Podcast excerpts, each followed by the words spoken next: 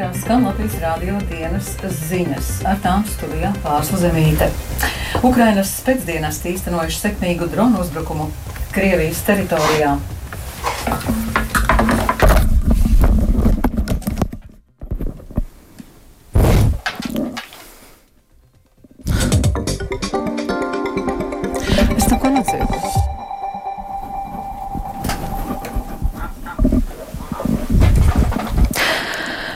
Ukrainas bruņoties spēki Helsonas apgabalā Ņipras upes kreisajā krastā turpina sauszemes operācijas, mēģina virzīties uz priekšu un ieņemt meža masīvu Krinku ciematūmā, teikts ASV Kara studiju institūta ziņojumā. Tikmēr Ukrainas pēcdienesti īstenojuši sekmīgu dronu uzbrukumu Krievijas militārajam objektam Rostovas apgabalā. Turpina Rustams Šukurovs. Krinku ciems atrodas 30 km uz ziemeļaustrumiem no Helsonas pilsētas un 2 km attālumā no Dņipras upes, un šajā apgabalā turpinās smagas kaujas. Situācija šajā virzienā tiek vērtēta kā ļoti sarežģīta. Vašingtonā bāzētā ASV Kara izpētes institūta analītiķi norādīja, ka Ukrainas karavīri ir izveidojuši vairākus placdarmus upes austrumu krastā operācijas ietvaros, kuras mērķis ir atspiest Krievijas karaspēku pēc iespējas tālāk no artilērijas trāpījuma zonas Dņipras upes rietumu krastā. Krievijas tāla darbības rādījusa artilērijas atspiešana novērsīs pastāvīgos draudus apdzīvotajām vietām rietumu krastā un ļaus atgriezties daudziem ukraiņiem, kuri bija spiesti pamest savas mājas, bēgot no Krievijas okupācijas, uzsvēra Kara izpētes institūta analītiķi. Turklāt, apslāpējot Krievijas artilērijas spējas apšaudīt Helsonas apgabala daļu, kas atrodas Dņipras rietumu krastā, Ukrainas bruņotie spēki varēs brīvāk manevrēt pa sauszemes sakaru līnijām. Tas savukārt ļaus izvietot šajā apgabalā pretbateriju un pretgaisa aizsardzības sistēmas un dos iespēju karaspēkam drošākā veidā īstenot operācijas pāri Dņipras upei. Placdarms nepieciešams, lai nodrošinātu upi šķērsojoša karaspēka drošību pretuzbrukuma operācijas īstenošanas laikā. Krievijas artilērijas atspiešana tālāk no Dņipras krastiem nodrošinās labākas starta pozīcijas nākotnes pretuzbrukumiem, teikts Kara izpētes institūta ziņojumā. Tikmēr Ukrainas pēcdienesti naktī uz šodienu īstenojuši masveida bezpilota lidaparātu uzbrukumu Krievijas militārajiem objektiem Rostovas, Lipeckas un Volgogradas apgabalos, vēsta medijas RBK Ukraina, atsaucoties uz avotu Ukrainas aizsardzības ministrijas galvenajā izlūkošanas pārvaldē. Starp drona uzbrukuma mērķiem bija Krievijas gaisa spēku lidlauks Morozovskas pilsētā Rostovas apgabalā. Militārā lidlauka virzienā tika palaisti 35 droni. Ukrainas izlūki fiksējuši trāpījumu. Bija vismaz tieši trāpījums militārajā lidlaukā. Ir nodarīti postījumi, citas uzbrukuma sekas tiek noskaidrotas, teikts RBK Ukrainā avota paziņojumā. Kā norādīja Ukrainas bruņoto spēku rezerves pulkvedis un militārais eksperts Romāns Svitans, Rostovas apgabalā esošajā lidlaukā bāzējas Krievijas gaisa spēku virsskaņas reaktīvie bumbvedēji, kas tiek izmantoti karā pret Ukrainu Основные бомбардировщики, которые э, сбрасывают э, на нас кабы, Šajā lidlaukā bāzējas tie bumbvedēji, kas uz mums nomet bumbas. Tie ir Su-24 un Su-34. Su-24 ir vecs, padomju laika bumbvedējs. Savukārt Su-34 ir uz Su-27 bāzes veidots, jauns Krievijas bumbvedējs. Militārais eksperts arī dzen atzīmēja, ka Ukrainas bruņotajiem spēkiem un spēcdienestiem pēc iespējas biežāk jāizteno masveida dronu uzbrukumus Krievijas teritorijā esošajiem militārajiem objektiem. Svitans uzsvēra, ka šāda veida uzbrukumi pārslogos Krievijas pretgaisa aizsardzības sistēmas, kā arī samazinās Krievijas raķešu krājumus. Rustam Šukuros, Latvijas Rādio. Izraela šodien atvēra Kerem Šalomas robežu šķērsošanas punktu, lai Gazas joslā varētu ievest humanās palīdzības krāvas. Izraela pēdējā laikā saņēmusi kritiku no starptautiskās sabiedrības arī no ASV par katastrofālo humāno situāciju norobežotajā Gazas joslā. Izraela turpinās kāru pret teroristu grupējumu Hamas līdz brīdim, kad visi Telavivas nospraustie mērķi tiks sasniegti. Tā šodien preses konferencē kopā ar Francijas ārlietu ministri Katrīnu Kolonā paziņojis Izraels ārlietu ministrs Elī Koens. Koens uzsvēra, ka Izraels mērķi ir pilnībā iznīcināt Hamas un atbrīvot grupējumu sagrābtos ķīlniekus, kā arī nodrošināt, ka Gaza vairs neapdraud Izraēlu. Tāpat Koens aicināja starptautisko sabiedrību pievērst uzmanību Irānas atbalstītā teroristu grupējuma Hizbollah radītajam drošības apdraudējumam. Israel has no intention to start another form on our northern border. Izrēlai nav nodoma atvērt otro fronti uz mūsu ziemeļu robežas, taču mēs darīsim visu, lai aizsargātu savus pilsoņus. Vairāk nekā 50 tūkstoši Libānas pierobežā dzīvojošo izrēliešu bija spiesti pamest savas mājas. Mums ir jāgarantē viņu drošība, lai viņi varētu atgriezties savās mājās. Vienīgais veids, kā to izdarīt, ir piespiest Hezbollah atkāpties uz ziemeļiem līdz Litānijas upei. Ir divi veidi, kā to izdarīt - vai nu no ar diplomātiju, vai ar spēku. Joprojām pastāv iespējas novērst karu Libānā. Ja starptautiskajai sabiedrībai tas neizdosies, mums nekas cits neatliks, kā rīkoties pašiem.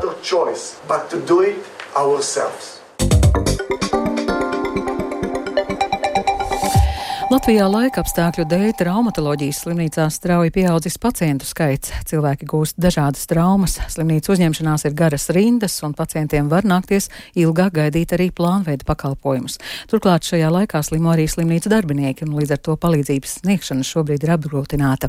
Stāsta Paula Dēvica. Šādi laikapstākļi ik ziemu rada papildu noslodzi traumatoloģijas slimnīcās. Visbiežāk iedzīvotāji traumas gūst krītot uz slidenām ietvēm vai uz sniegotajiem celiņiem. Darbīgs laiks šis ir arī Rīgas otrajā slimnīcā. Tur aizņemtas teju visas gultas vietas. Rindas uzņemšanā mēdz būt ļoti garas, reizēm jāgaida pat vairākas stundas. Vairāk stāsta slimnīcas valdes priekšsēdētājs Sandris Petronis. Vidēji kā seši, nu, septiņi pacienti stājās slimnīcā katru dienu ar tādiem, kas ir saistīti tieši ar tādiem lūzumiem. Un tas ir dubultojas šobrīd, ja tie ir nu, patsmitos. Pārsvarā tie ir lūzumi, kas saistīti ar to, ka cilvēks pagriež kāju kaut kur uz slibena ceļa. Ja, tas ir vairāk potīšu lūzumi, arī varbūt apakšstilbu lūzumi. Daudz esot arī roku vai plecu lūzumi, kas radušies krītot. Petronis skaidro, ka slimnīcai pat nācies samazināt plānveida pakalpojumus, pārcelt tādas operācijas, kas var pagaidīt. Arī traumatoloģijas un ortopēdijas slimnīcā šobrīd gultas vietas ir aizpildītas, un ikdienu uzņemšanā ierodas ap 50 cilvēkiem ar dažādām traumām. Turklāt šajā laikā slimo arī daudzi slimnīcas darbinieki. Tā stāsta slimnīcas galvenais ārsts Uģis Zariņš. Covid un vēl dažādas, un šobrīd tā iespēja sniegt palīdzību nu, tādā eh, sagaidāmā laikā, kā tas būtu varbūt vasarā, ir visai ierobežots. Tātad problēma pietiek, mums strādājam cik varam, bet, nu, var sanākt tā, ka ir eh, mazliet jāpagaida ilgāk uzņemšanas nodaļā vai arī uzreiz nevar veikt operāciju. Arī traumatoloģijas un ortopēdijas slimnīcā uzņemšanā var nākties gaidīt vairākas stundas. Zariņš skaidro, ka visvairāk pacientu ir pēc sniegotām brīvdienām, kā arī pēcpusdienās, pēc tam, kad cilvēki guvuši traumas ikdienas gaitās. Slimnīcās aicina iedzīvotājus būt uzmanīgiem un izvērtēt, vai konkrētajā brīdī došanās ārā ir nepieciešama, kā arī sekot līdzi ceļa stāvoklim un pēc iespējas izvēlēties tīrākus un nokaisītus cēliņus. Otrās slimnīcas vadītājs Sandris Petronis arī atgādina, ka uz slimnīcu vēlams doties tieši lūzuma gadījumā. Un, ja tās sāpes tomēr nepāriet, pieaug sāpes tūsk, un arī funkcija ir ierobežota rokai vai kājai, nu, tad var griezties vai nu pie ģimenes ārsta, var uztaisīt rengēnu un izvērtēt, un domā, ko darīt tālāk. Arī apmeklēt nu, poliklīnikas ķirurgu. Lūzuma simptomi ir stipras sāpes, izteikts kustību ierobežojums un tūska. Šobrīd atkušņa laikā cilvēkiem jāsargā arī savas galvas. Pēdējās dienās no māju jumtiem krit sniegs un lāstakas. Paula Dēvica, Latvijas radio. Atkustnis veicinājis ūdens līmeņa kāpumu Latvijas upēs. Latvijas vides geoloģijas un meteoroloģijas centrs norāda, ka valsts rietumos sāk aplūst upju palienes un aicina ievērot meteorologu brīdinājumus. Daugavā un tās baseina upēs ūdens līmenis turpina pazemināties vai nedaudz svārstīties. Situācijas skaidro hidroloģi Līga Klints. Šodien tad ūdens līmenis sāk strājā augstināties Kurzemes upēs, kur durbē pat ūdens līmeņa celšanās pēdējā diennaktī ir bijusi vairāk kā par metru, un ūdens līmeņa celšanās nelielāku intensitāti ir sākusies arī Gandals upē, un turpinoties atkustnēs, kā arī līstot lietu, mēs gaidām, ka ūdens līmeņa paaugstināšanās turpināsies gan rietumu, gan centrālās daļas upēs un aizsāksies arī straujāk austrumu daļā. Ko jūs varētu pateikt par Jēkabili to virzienu? Nu, tur pagaidām situācija ir stabila. Ūdens līmenis nav strauji paaugstināties, jo tas siltums nav bijis tik liels kā kurzemē, arī nokrišana nav bijis tik daudz. Redzēsim, kā situācija attīstīsies, bet pagaidām nav tādas bīstamības. Un par sportu bobsleja četrniekos šodien pasaules kausā pie bronzas godalkām tika Emīla Cipuļa ekipāža. Otro dienu pēc kārtas veiksmīgs starts arī biatlonistam Andrijam Rastorgūjevam. Bet vairāk par sportistu panākumiem pastāstīs Lotārs Zariņš, kurš šobrīd seko līdz kādai volejbola spēlē. Sveiks, Lotār, vārds tev! Jā, sveika, pārslūna, sveika klausītāji. Šobrīd atrodos eh, Rīgas Omaskajā sporta centrā, kur sākušās Latvijas kausa volejbola fināla spēles. Iesākumā spēle dāmām. Tagad laukumā devušās pēdējo divu gadu turnīru uzvarētājas kausturētāji Rīgas volejbola skola LU, kas spēkojas ar gadu iepriekš pie titula tikušo Mārums SC vienību. Un tagad pirmajā setā rezultāts ir 16-15. LU komanda ir vadībā. Tikmēr kungiem par kausu cīnīsies Jākapils Lūša un Latvijas čempionu vienība Ezerzem DU, kas pārliecinoši pusfinālā pārspēja vecumnieku komandu. Pavisam cita aina bija Lūšiem, kas vakar atspēlējās no 0-2 un 3 sets pēc kārtas. Uh, izcīnīja panākumu un arī beigās tika finālā. Taču vairāk par sezonu līdz šim stāsta Lūša galvenais treneris Mārcis Sobrumans. Neviens negrib atrasties tabulas lēsgalā, kur mēs šobrīd atrodamies. Ja? Mēs savu spēli vēl īsti Nu, gribas teikt, ka nevis neesam atraduši, bet tās galotnes, ja, kuras mēs it kā varējām uzvarēt, mēs daudz spēles zaudējām galotnēs. Tur zūd tā pārliecība. Bet labā ziņa ir tāda, ka mums e, progress un potenciāls vēl, lai mēs progresētu, ir daudz lielāks nekā citām komandām. Ja? Mēs spēlējam līdzīgs kā ar līdzīgu ar daudzām komandām, tikai mēs zaudējam. Bet mūsu tā vieta progresam ir pietiekoši liela. Tātad kungu fināls sāksies šovakar 20.45 starp Jākapils Lūšiem un Ezerzem DU komandu, un spēles tiešraidi arī varēs vērot LTV 7 kanālā. Tikmēr bobsleja pilota Emīļa Cipuļa četrnieka ekipāža pasaules kausā trešajā posmā, kas vienlaikus bija arī čempionāts, izcīnīja bronzas godāgas. Pirmo un otro vietu izcīnīja Vācijas ekipāža, bet Cipuls ar stūmējiem Dāvis Priņģi, Matīsu Mikni un Kristu Lindeblātu uzvarētājiem piekāpās 0,46 sekundes. Tikmēr Jēkabs Kalendārs, Edgars Ungurs, Dāvis Kaufmani un Maira Kļauja posmu noslēdz 12. vietā. Vietlonists Andrēs Rastargujevs šodien Šveicē pasaules kausa trešajā posmā 15 km distancē ar masu startu izcīnīja desmito vietu. Latvijas bija nekļūdīgs pilnīgi visos 20 mērķos. Rastargujevs bija tikai viens no diviem biatlonistiem šajās sacensībās, kurš iztika bez soda apļiem. Finišā biatlonis piekāpās uzvarētājam Norvēģim Juhanesam Tigniesam B 58,9 sekundes, un visu godi piedestālu aizņēma Norvēģijas sportisti. Tikmēr distanču slēpotāja Patricija Eiduka šodien Norvēģijā pasaules kausa posmā 10 km distancē klasiskajā stilā izcīnīja 30. vietu.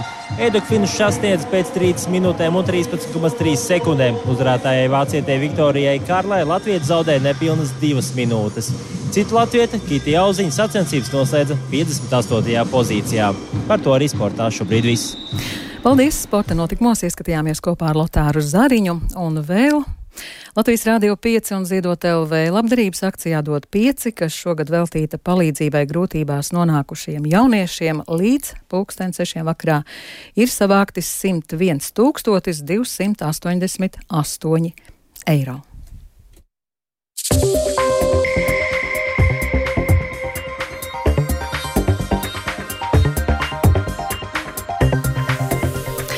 Un ar to izskan Latvijas radio dienas ziņas producenta bija Brēmza ieraksts montēja Kaspars Groskops par labskaņu rūpējās Mārtiņš Paeglis, ar jums runāja Pārsla Zemīte.